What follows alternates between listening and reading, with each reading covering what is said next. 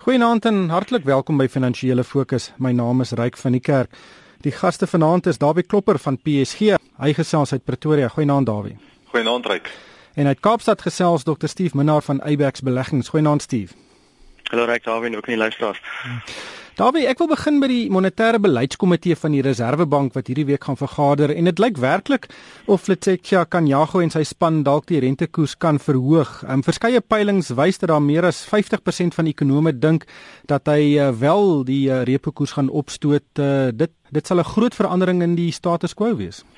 Dit sal wees, dit sal dink ek voortydig wees. Ek sal nie in die kamp wees wat sê dit moet nou verhoog word nie. Ek verstaan nie heeltemal die sterk argument ten gunste daarvan. Ek weet die Reservebank het dit gesien dat dit moet gebeur een of ander tyd. Maar ek dink hulle moet eerder hulle leiding dan as hulle dan wil verhoog, vat van die Amerikaners se tydsberekening rondom hierdie saak. Feit van die saak is die Amerikaanse ekonomie lyk of hy aan die sterk word is van die optel is hulle inflasiekoers is nog nie waar hulle hom wil hê nie en ten spyte daarvan is hulle dan nou begin hulle te dink om vooruit te kyk en hulle rentekoerse te verhoog. In Suid-Afrika is ons ekonomie onder uitermate gedruk en ten spyte daarvan praat ons van hierdie rentekoersverhoging. Uh, ja, inflasie gaan optel, maar inflasie druk wat ons beleef is dan meer van 'n geadministreerde pryse se aard en dit sou dis vir my ek dink dit dis voortydig dat ons rentekoerse wil verhoog in Suid-Afrika. Ek dink dit gaan 'n negatiewe impak hê op die rand as ons dit sou doen in teenstelling met wat baie ouens sê dit is nodig om die rand te beskerm. Ehm um, ek dink dit gaan 'n uh, aanduiding wees dat ons nie groei hoog ag nie en dit gaan geld die land uitstoot eerder as wat dit geld die land gaan intrek. As jy dit wil intrek, gaan jy rentekoerse baie moet verhoog en op en baie duidelik gaan dit nie gebeur nie. Hmm.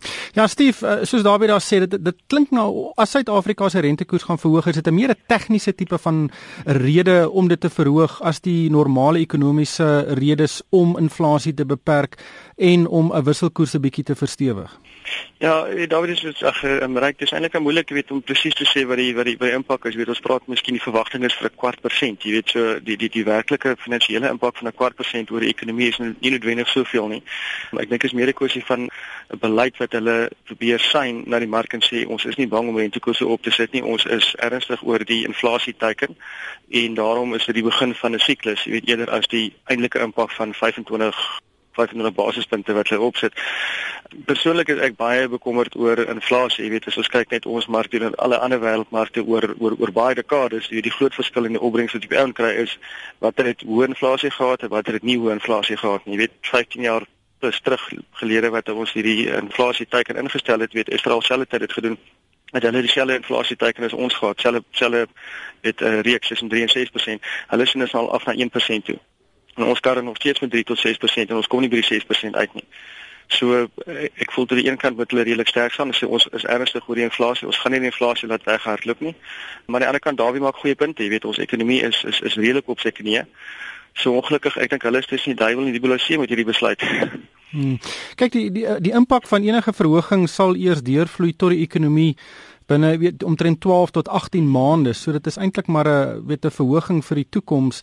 Maar maar Dawie, die groot vraag is gaan 'n rentekoersverhoging inflasie met dwang hou? Soos jy gesê het, kom die inflasie wat ons in Suid-Afrika af sien meer van van die aanbodkant af as van die vraagkant? Dit is inderdaad so, jy weet en met ander woorde wat die vraag wat jy sou moet vra is tot 'n watter mate is al die ander beleidsmakers in Suid-Afrika verbind aan hierdie inflasie teiken. Jy weet as almal nie saamwerk nie, dan gaan dit dalk nie werk uiteindelik nie want uh, mense beleef eintlik dat die ander beleidsmakers en ander deelnemers aan die ekonomie nie werklik hulle steur in hierdie 3 tot 6% en ja dit is 'n anker in 'n sekere sin en en Steve aan die punt maak dat ons moet die Reservebank wil graag hulle onafhanklikheid wys en vir die eh, res van die land se beleidsmakers wys dat ons moet ernstig hieroor wees dan is dit goed as hulle dit kan op die manier kan regkry met net 'n kwart persent verhoging. Ehm um, die vraag is net weet gaan dit wat se ander onbedoelde gevolge gaan so 'n verhoging hê dalk? In 'n tyd waar die ekonomie reeds onder druk is waar vertroue reeds nie goed is nie en 'n klomp weet die rand onder uitermate druk is, gaan dit hoegenaamd help dat die rand kan verstewig en sodoende ook dan inflasie onder beheer help hou. So al hierdie goed moet moet in hierdie beleid in hierdie proses van van hierdie besluit wat geneem word uh, in, in 'n mandjie gegooi word en dan daaroor besluit word. Dis nie 'n maklike besluit nie, maar ek sien nie dink dit moet nou al gebeur nie. Ek sê dink as ons dit dan wil doen, moet ons dalk nog so nog ten minste so 3 maande wag. Hmm, ek stem ek jy's 100% reg dat inflasie word nie net beheer met met 'n rentekoers nie, daar's baie ander komponente ook. Maar maar Steve, Janet Yellen van die Federale Reserve het hierdie week gesê en sy het eintlik 'n baie duidelike boodskap die wêreld ingestuur en gesê rentekoerse in Amerika gaan vanjaar nog styg. En en daai impak van daai verhoging gaan reg deur die wêreld gevoel word, selfs hier in Suid-Afrika. Ja, nee, dis hoekom daar 'n soort van 'n redelike opinie daar buite is wat sê Suid-Afrika kan nie wag om om om agter Amerika te wees met 'n rentekoersverhoging en om eerder dit nou al so lank opsit omdat dit definitief op pad is na Amerika. Ek beweeg ek, ek ek ek kan nie altyd presies verstaan wat die verskil is of ons nou 'n maand vroeër of later doen nie. Maar dit is dit is die opinie daar, so ek dink dit dit maak heeltemal sin. Net om terug te kom met iets wat Dawie gesê het, ek dink ek is heeltemal reg, jy weet, dit is jy, jy kan nie net verwag dat die Reservebank op sy eie uh, inflasie en toe met hou nie. En ongelukkig in Suid-Afrika dink ek is daar 'n klomp rolspelers of beleidsmakers van die van die Unie kommunistiese party en so voort, so ek dink ver bo hulle eintlike gewig jy weet eh, deelneem aan hierdie ekonomiese debat. En en hulle het blykbaar geen eh, weet benul van wat die impak het van weet 20% salarisverhogings wat geëis word ensovoorts en jy weet die staatsdiens wat die grootste indiensnemer is het nou weer 8% plus jy weet salarisverhogings aangekondig en jy weet ons, kan nie dit aanvaar nie jy weet hulle moet daar rolspelers ook besef wat se impak hulle op die ekonomie het jy sulke hoë salarisverhogings te eis en op die ou end wel toe te staan Ja, absoluut. Ehm um, daarby jy weet mens die eerste mens kan die vingers wys na Eskom, uh, mens kan die vingers wys na na die regering met met betrekking tot brandstofkoste en al daai goed filter deur die ekonomie. Uh, weet 'n kwartpunt rentekoersverhoging is eintlik maar net uh, dit dit gaan geen verskil maak nie. Dit is dit is dan uiteindelik inderdaad so. Um, dit gaan wel die verbruikers beginne benadeel. Dit gaan hulle hulle hulle opinie oor wat volgende gaan kom begin beïnvloed. Dit gaan hulle bestedingspatrone kan begin beïnvloed. Weet ons sien klaar dat kleinhandelverkope is onder druk. En ek dink dit gaan die impak wees daarvan. Weet die mense se reaksie op hierdie op hierdie klein verhogingkie nou, maar hulle gaan begin inprys wat verder vorentoe kan gebeur dink ek. En, en ek dink dis waar die negativiteit hierso lê. Um, rondom die Amerikaanse rentekoersverhogings, dis 'n ander perd van ander kleur gebeur. Jy weet daar word dit baie duidelik gesien is 'n funksie van hulle ekonomie wat sterk is, hulle indiensname wat sterk is en goed lyk. So dit dit dit dit weet dit speel 'n ander rol op dit die die doel daarvan is 'n totaal ander rol om te speel. Vir Suid-Afrika om te dink dat ons moet nou hier saam met Amerika eh, probeer beweeg is nie vir my korrek nie. Ek dink ons moet kyk wat doen ander lande in die res van die wêreld waar 'n groot klomp lande die afgelope paar maande hulle hulle rentekoerse verlaag het en steeds aan die verlaag is omdat dit so sleg gaan met hulle ekonomie. So so weet die die om om ons te gaan haak aan Amerika dink ek is is ook nie korrek nie. Ons moet eerder gaan kyk wat in die res van die wêreld gebeur rondom hierdie rentekoersverhogings en rentekoersverlagings en dan daai besluit probeer neem. So Amerika alleen moenie hierdie besluit vir ons dryf nie. Hmm. Steve, ek wil 'n bietjie die die gesprek verskuif na Suid-Afrika toe waar die ekonomie regtig op die oomblik deurloop onder baie baie lae kommoditeitspryse. Nou die die mynboubedryf is nie meer so 'n groot rolspeler in die plaaslike ekonomie nie, maar daar is 'n geweldige hoeveelheid werksgeleenthede in die sektor. Ons sien goudprys baie laag, ons sien platinumpryse baie baie laag en uh van die mynbou aandele ook onder andere in die ystererts sektor en die staalsektor is onder geweldige druk. Hoe, lees jy hierdie sektor op die oomblik? Ja, weet om dit net in perspektief te stel, weet net ag wat is dit 5, 6 jaar gelede was die die ehm um, mynboumaatskappy 30% van die aandele indeks gewees, dis nou 11%. Jy weet, so dis ongelooflik wat dit teruggeskuif het. En uh, hulle is onder geweldige druk. Jy weet ongelukkig die die groot engine wat nou wat wat China is wat uh, op die jaar van die saak 'n geweldige impak gehad het op wêreldgroei. Wie die laaste jaar is amper 40% van die bydrae tot wêreldgroei net uit China alleen uitgekom. Hulle is natuurlik die grootste gebruiker van meeste van hierdie van hierdie grondstowwe wat ons uh, wat ons uitvoer. So as hulle net en dit hoef nie eens agteruit te gaan hulle net minder groei het dit natuurlik 'n groot impak jy weet op hierdie stadium praat hulle weet die, die uitstryspryse klaar halveer in die in die soort van die die die die robbesom wat uitgegooi word is vir elke 1% van die Chinese ekonomie laer groei as wat verwag is, het dit nog 'n verdere 10% impak op die eisterheidsprys. Nou dis miskien net 'n 'n ratio wat mense raai uitgooi. Jy kan nog gaan weet as meer teenoor, maar die feit is hulle het 'n geweldige impak op die wêreld. En uh, en ek ek kan nie sien dat hulle hulle groei gaan versnel in die volgende paar jare. Dit gaan jy waarskynlik 'n bietjie terugtrek. Ons dink ons sê dit sal gaan groei wees, maar dit lyk like, definitief in die, in die in die kort tot medium termyn nie baie positief vir die mynbou aandele nie. Ja, mens sien regtig dit in in ArcelorMittal en Kumba se aandelepryse. Maar Dawie Anglo American en BHP Billiton het ook hierdie week geweldige groot afskrywings aangekondig. In Engels is die woord impairments.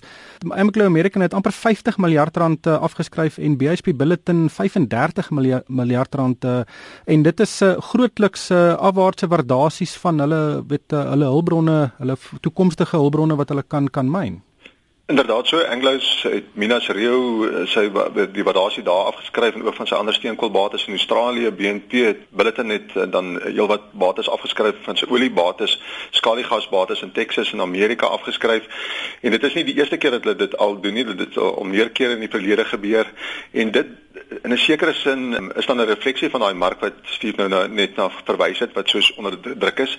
Ehm um, ons weet ook dat daar 'n groot skaalse nuwe aanbod van ystererts uit Australië uit die markte tref.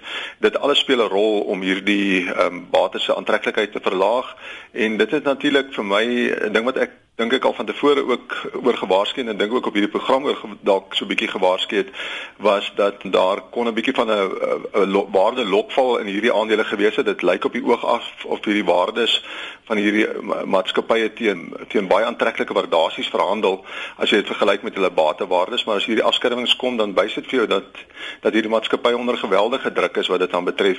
En as die vooruitsigte vir hierdie pryse nie gou verbeter nie en die platineumprys byvoorbeeld nog verder daal dan en weet en die ysterertsprys nog verder daal, steenkoolpryse verder daal, dan is hier maar grootskaalse druk op hierdie maatskappye om om op hierdie stadium en gaan hulle dalk sukkel om hulle huidige waardes alleen te handhaaf. Hmm.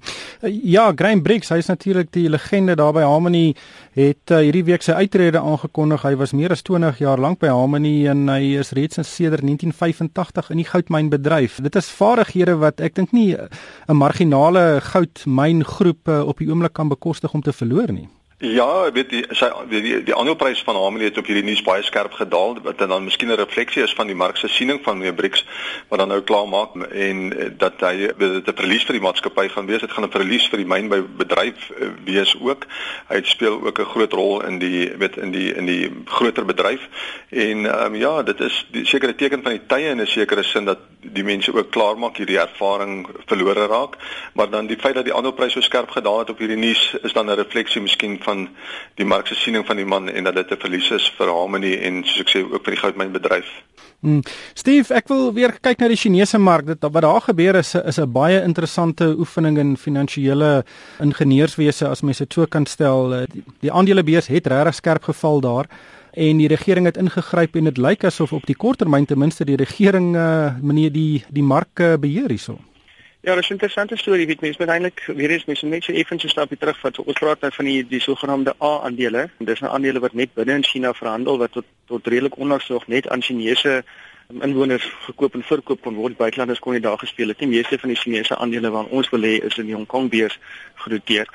En uh, so so die eintlike ding is daar dis dis eintlik nog 'n redelike onvolwasse mark. Hy het nie naaste by so ontwikkel soos die res van die wêreld se markte nie. Dis 'n groot mark vir vir klein spelers. So die wie die pryse is geweldig, weet op en af in na enige rigting toe gestuur. Jy weet daai mark is 68% op vanjaar. En nou het hy weer so 30% afgekom en weer so 'n bietjie op en af.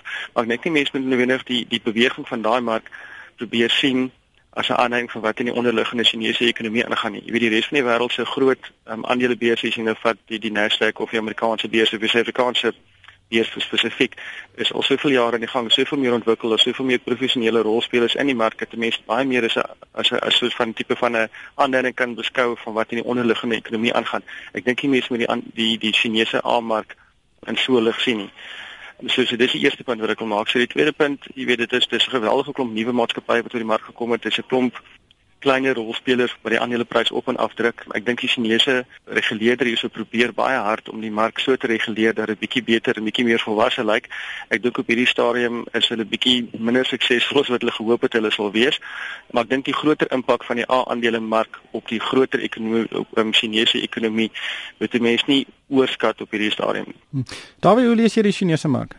Ja, ek dink dit was duidelik dat daar grootskaalse spekulasie aan die gang was daar en dat die mark opgegaan het net omdat hy opgaan en geen onderliggende fundamentele redes noodwendig om opgedryf het nie. Die feit dat hy nou terugkom moet dan ook nie as 'n verrassing wees nie. En ehm um, en uh, dit was 'n klassieke geval van spekula 'n uh, mark 'n spekulatiewe mark wat waar die waar hy sou eindig in 'n bietjie trane en en dit is inderdaad wat dan nou gebeur en dit het tog 'n impak dink ek op tog 'n bietjie op van die mense se vertroue wat daaraan deelgeneem het, 'n klomp geld gaan leen het om daaraan deel te neem. Daar's 'n klomp nuwe noterings gewees. Al die klassieke eienskappe van 'n mark wat in 'n spekulatiewe fase is, het geheers daar en mense moes dus nie verras wees dat hy wel nou op die oomblik terugkom nie. Hmm. Ongelukkig hierdie tyd ons ingehaal. Baie dankie aan Dawie Klopper van PSG en Steve Minnar van Abax Beleggings en van my ryk van die kerk. Dankie vir die saamluister en ek hoop almal het 'n winsgewende week.